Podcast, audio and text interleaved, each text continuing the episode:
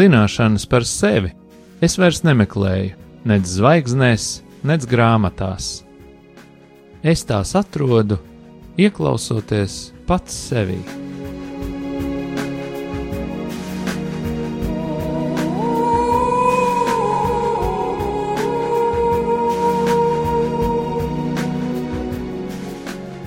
Raidījums Mīlestības terapija top mīlestības mājai, sadarbojoties ar profesionālo pastorālās konsultēšanas asociāciju.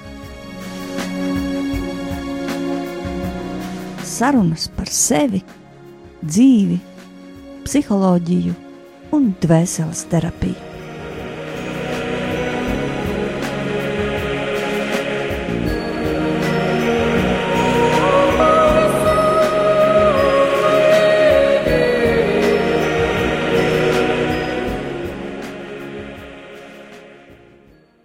Labvakar, mīļie radio klausītāji! Šovakar pie jums raidījums mīlestības terapija, un mums ir tēma, vai vilciens var būt aizgājis, vai varbūt tā, ka savu dzīvi pagriezt attīstības virzienā ir jau pa vēlu. Un kopā ar jums šovakar par šo tēmu sarunāsies psiholoģi Ina Grasmane un uh, vilciena mašīnists Gatis Līdums. Jā, un gribētu tādas galējības iezīmēt, varbūt sākumā, vispār sākot šo sarunu, ka principā mēs varam satikties ar dažādām eh, galējībām. Piemēram, jautājums ir par to, vai kristietis var būt pesimists, vai otrādi, vai kristietim vienmēr ir jābūt optimistam, vai ir mūsu katoļu ticības brāļu un māsas, kas saka, ka visvērtīgākais dzīvē ir ciešanas, un cilvēks ir paredzēts ciešanām, un dzīvo šīs zemes ir nepārtrauktas ciešanas, un cilvēki izdzīvo šo ciešanu pieredzi. Un ir otri mūsu protestantiskie brāļi un māsas, bieži ar kuriem arī satiekos šeit, terapijas kabinetā, tāpēc ar kuriem strādāt visgrūtāk, jo viņi uzskata, ka Jēzus pie krusta ir nomiris, ciešanas ir beigušās, un tagad mums ir tikai prieks. Un viss ir labi, un problēma mums nav. Mums par viņām nav jārunā vispār. Mums nav jārunā ne par sāpēm, ne par problēmām, ne par grūtībām. Mēs esam uzvarējuši, un mēs skatāmies tikai uz uzvaru. Tad divas galējības. Un, eh, nu, es tā domāju, ka veselība ir līdzsvars droši vien, ka mēs nedrīkstam noliekt ciešanas, bet mēs nedrīkstam iekrist tādā upura pozīcijā attiecībās pret ciešanām. Bet vēl joprojām centrā šis jautājums, vai vilciens var būt aizgājis, ja es saprotu, ka mana dzīve ir jāpagriež kā kuģis attīstības virzienā uz kādu citu pusi, nekā varbūt es esmu dzīvojis 50 gadus, varbūt 60. Nu, lūk, man arī ir mazs stāstīns par kādu sievieti, kur pie manis atnāca Viņai bija pāri 60 gadiem, un viņa uzsāka terapiju. Viņa atnāca, lai pateiktu, ka visus šos 60 gadus viņa vispār nekad nav mīlējusi. Tad viņa nav izdzīvojusi šo mīlestības aicinājumu kā sieviete, jo baidījās. Viņa dzīvojas visu laiku ar māti kopā, vienā dzīvoklī, līdz šiem 60 gadiem, un tad, kad viņas mamma nomira, tad viņai nāca šī atklāsme vispār par viņas dzīvi. Un attiecības viņai nebija bijušas, un mīlestība viņai nav bijusi, jo viņai ļoti traģisks stāsts attiecībās ar savu tēti, kurš ir bijis vardarbīgs, un viņa visu mūžu ir baidījusies no tēva. Un jebkurā vīriet, vīrietī viņa ir baidījusies no tās vīrišķības, kas īsnībā ir bijusi bīstama reāli viņas dzīvē. Un viņa atnāca un man jautāja, Man ir pāri 60 gadiem. Vai es vēl varu iemācīties mīlēt? Vai man ir iespēja? Vai es varu izveidot attiecības ar vīrieti? Nu, priekš manis nekad cilvēka ne, ceļš nebeidzās kaut kādā noteiktā vecumā, un es nekad cilvēkam neteiktu, nē, tev nav tādas iespējas, un mēs sākām darbu. Un darbs bija grūts, ilgstošs, nogurdinošs, Jo priekš manis es sevi savā terapeita dienas grāmatā atzīmēju, ka tas ir cilvēks, kas ir bijis baiļu un melu cietumā visu dzīvi, un man ir darīšana ar cietumnieku, kura sajūtu muskuļi ir atrofējušies.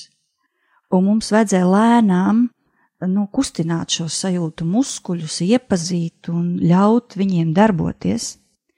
Un galu galā pēc vairākiem terapijas gadiem šī sieviete mīlestību piedzīvoja.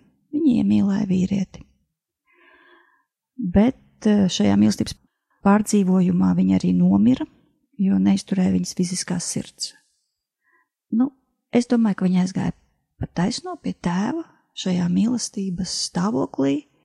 Un šī ir arī viena no klientēm, manas dzīves laikam vienīgā, pie kuras es aizgāju slimnīcu uz reanimāciju, kad viņa vēl nebija pavisam nomirusi, jo viņa kādu laiku bija komas stāvoklī un vienkārši lūdzu Dievu par viņu. Viņa pēc tam arī nomira. Es ticu, ka viņa aizgāja pie tēva. Nu, lūk, un tā tad jautājums, vai vēl joprojām, vai vilciens var būt aizgājis. Un eh, šādi mēs varam jautāt, esot dziļās ciešanās, vai es varu pagriezties laimes virzienā.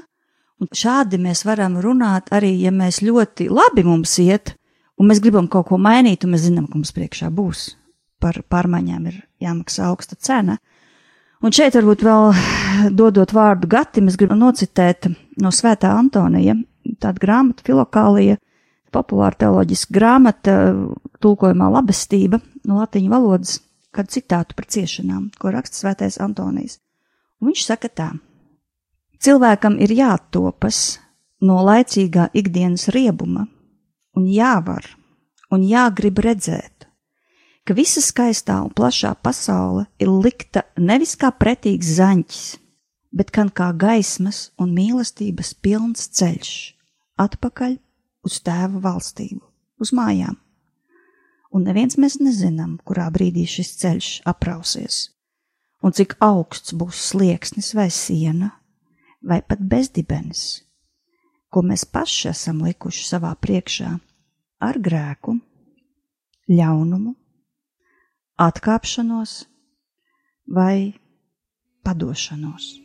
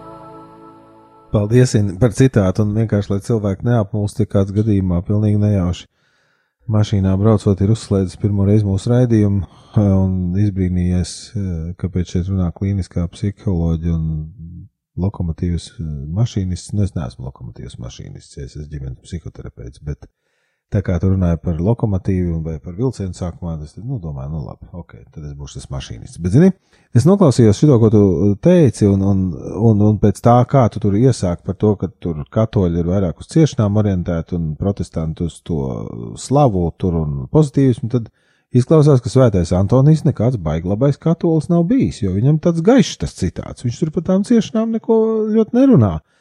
Un, nu, es negribu tā viegli runāt par nopietnām lietām, bet uh, es domāju, ka, nu, tu jau arī iezīmēji to, es domāju, tu, tu iezīmēji ļoti, ļoti falšu uh, dalījumu, kas nav atrodams nopietnā kristietībā, taču tas ir ikdienā atrodams cilvēku prātos un dzīvēs, kuri uh, kristietību ir paņēmuši netik dziļi.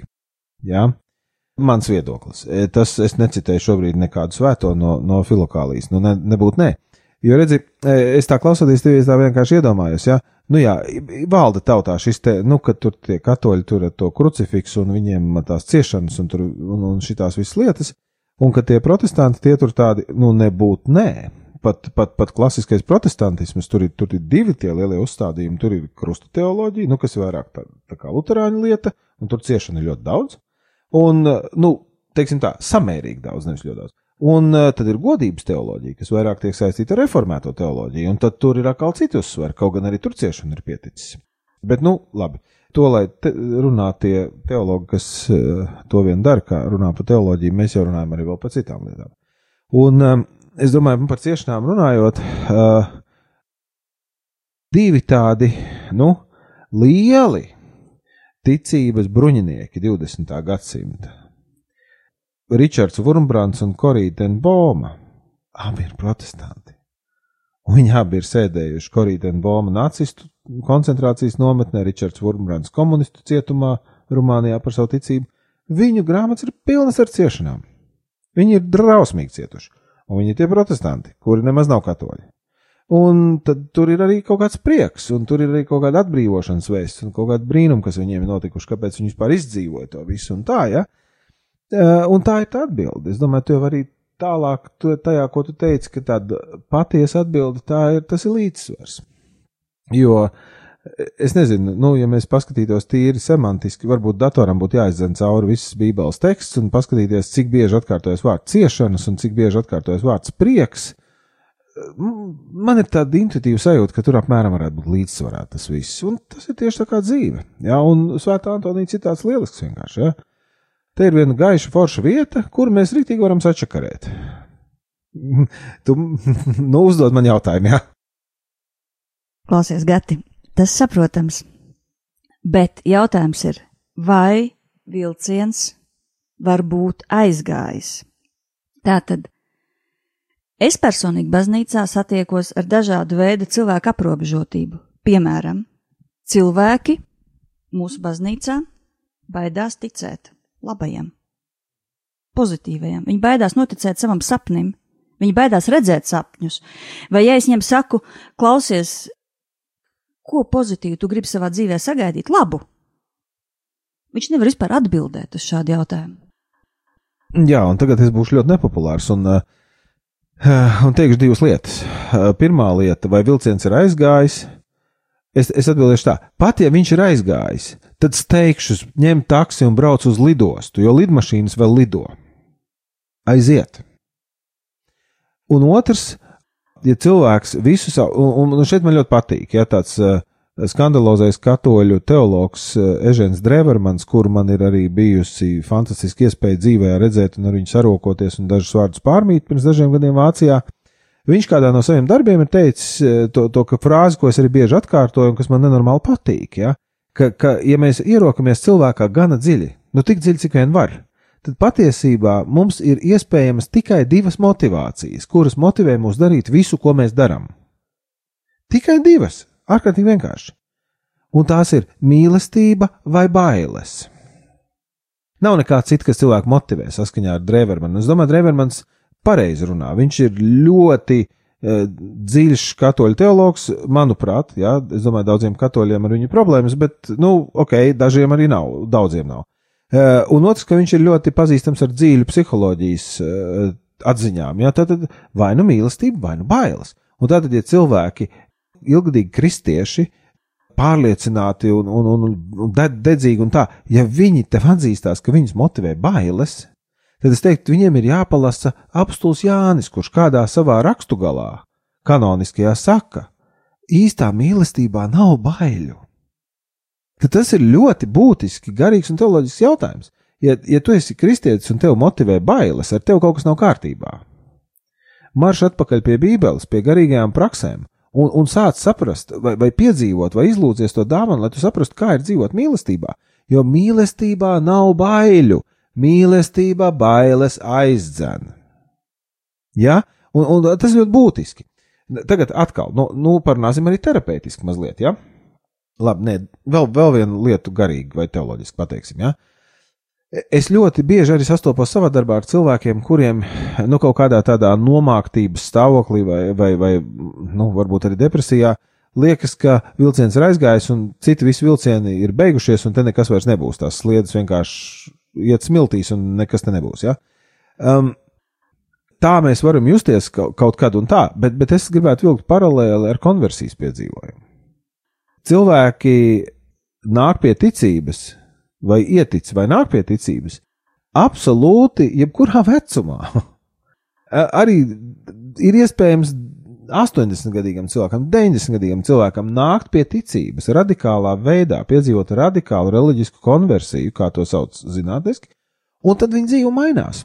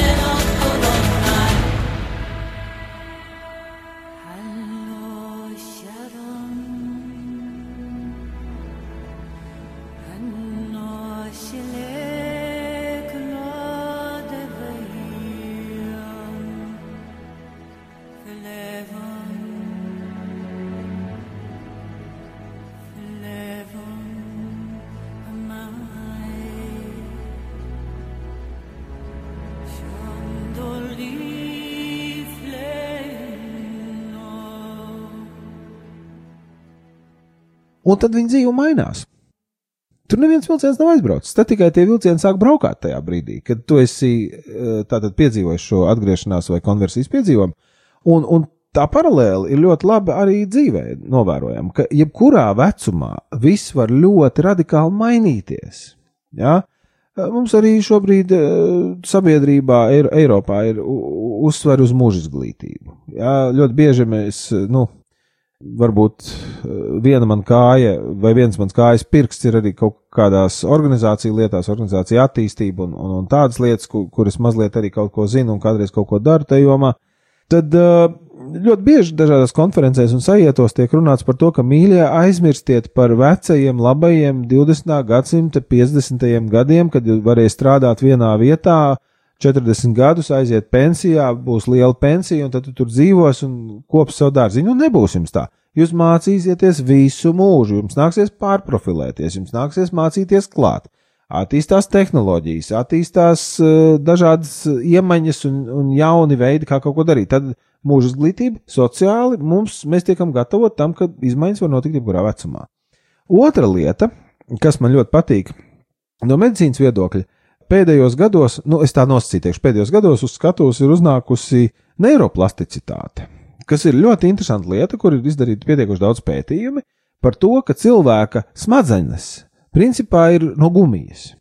Agrāk bija, nu, es tā medicīna nesaka, es to saku metaforiski. Ja? Agrāk bija tāds, uh, kaut kāda tāda, tāda izpratne medicīniska, ka smadzenes vienā brīdī, nezinu, sažūst, sačokurojās, cilvēks vairs jaunas lietas nevar iemācīties, un uh, ar viņu viss ir pagalam, Tad tagad ir neiroplasticitāte, var paskatīties pētījumus arī Latvijā. Ir daži cilvēki, kas ar to nopietni nodarbojas. Izrādās, ka cilvēks spēj funkcionēt intelektuāli, emocionālā līmenī visu mūžu. Mazliet lēnāk, varbūt ir fizioloģiski. Nu, mēs arī, nu, cilvēks arī 70 gados nevar sprintu noskriet ar, ar, ar olimpiskajiem rādītājiem. Nu, varbūt kāds var, bet normāli cilvēki nevar. Viņi, nu, tā kā paliek lēnāk vai stīvāk, bet bet viņi visu mūžu kustās, un tieši tāpat arī prāts vai, vai, vai mūsu, es lietošu uzmanīgi šo vārdu, dvēsele, visu mūžu kustās. Pastāv neiroplasticitāte medicīnā un pastāv dvēseļplasticitāte psiholoģijā. Tas ir termins, ko es nu pat izgudroju. Es varētu viņu kopiraitēt, ja? Dvēseļplasticitāte. Tu vari mainīties līdz brīdim, kamēr tev iestājās smadzeņu nāve. Un tu vari mainīties radikāli, ja vien tu dzīvo mīlestībā un tu tam tici.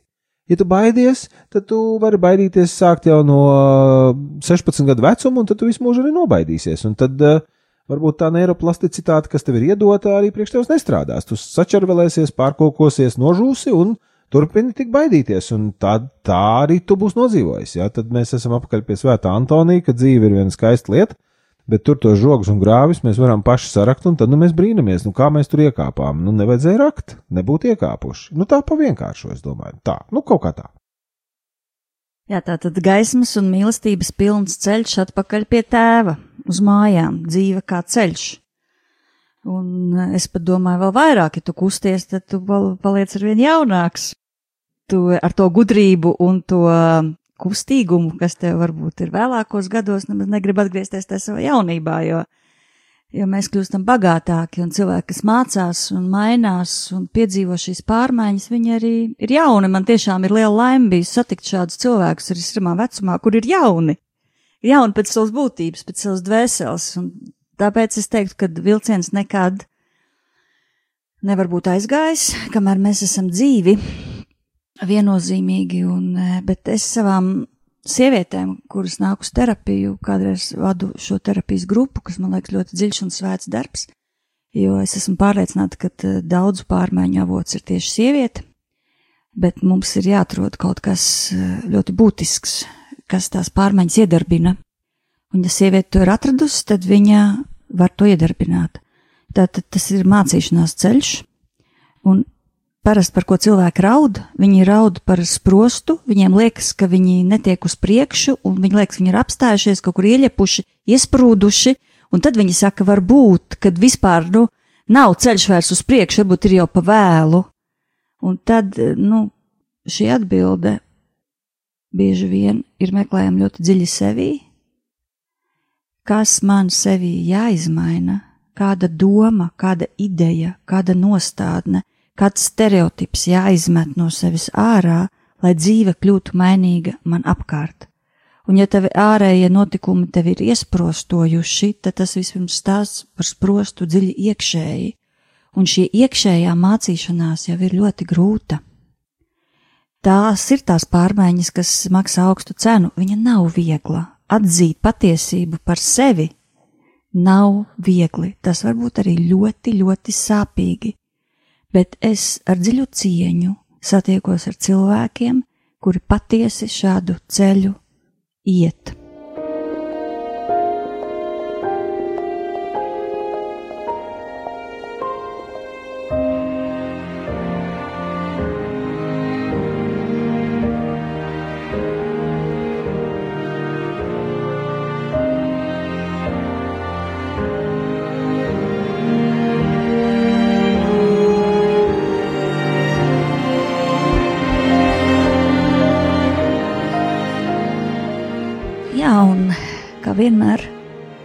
Noslēgsim šo mūsu sarunu ar lūkšanu, atvērsim sirdis, sagatavosim sirdi lūkšanai, lūksim par sevi, par šo ceļu un arī varbūt par tiem sprostiem, kuros esam.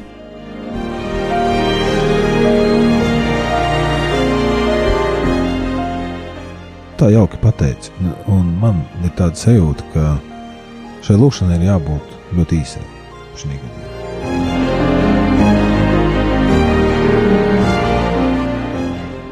Mūsu Tēvs. Lūdzu, atbrīvo mūs no bailēm, lai mēs varam mīlēt droši un bez atlikuma. To mēs tev šovakar lūdzam Kristus vārdā. Āmen!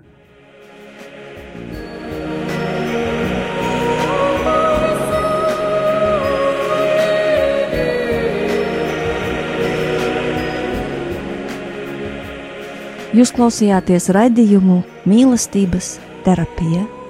Raidījums varat noklausīties mājaslapā mīlestības māja.lv vai Latvijas Profesionālās pastorālās konsultēšanas asociācijas Facebook mājaslapā.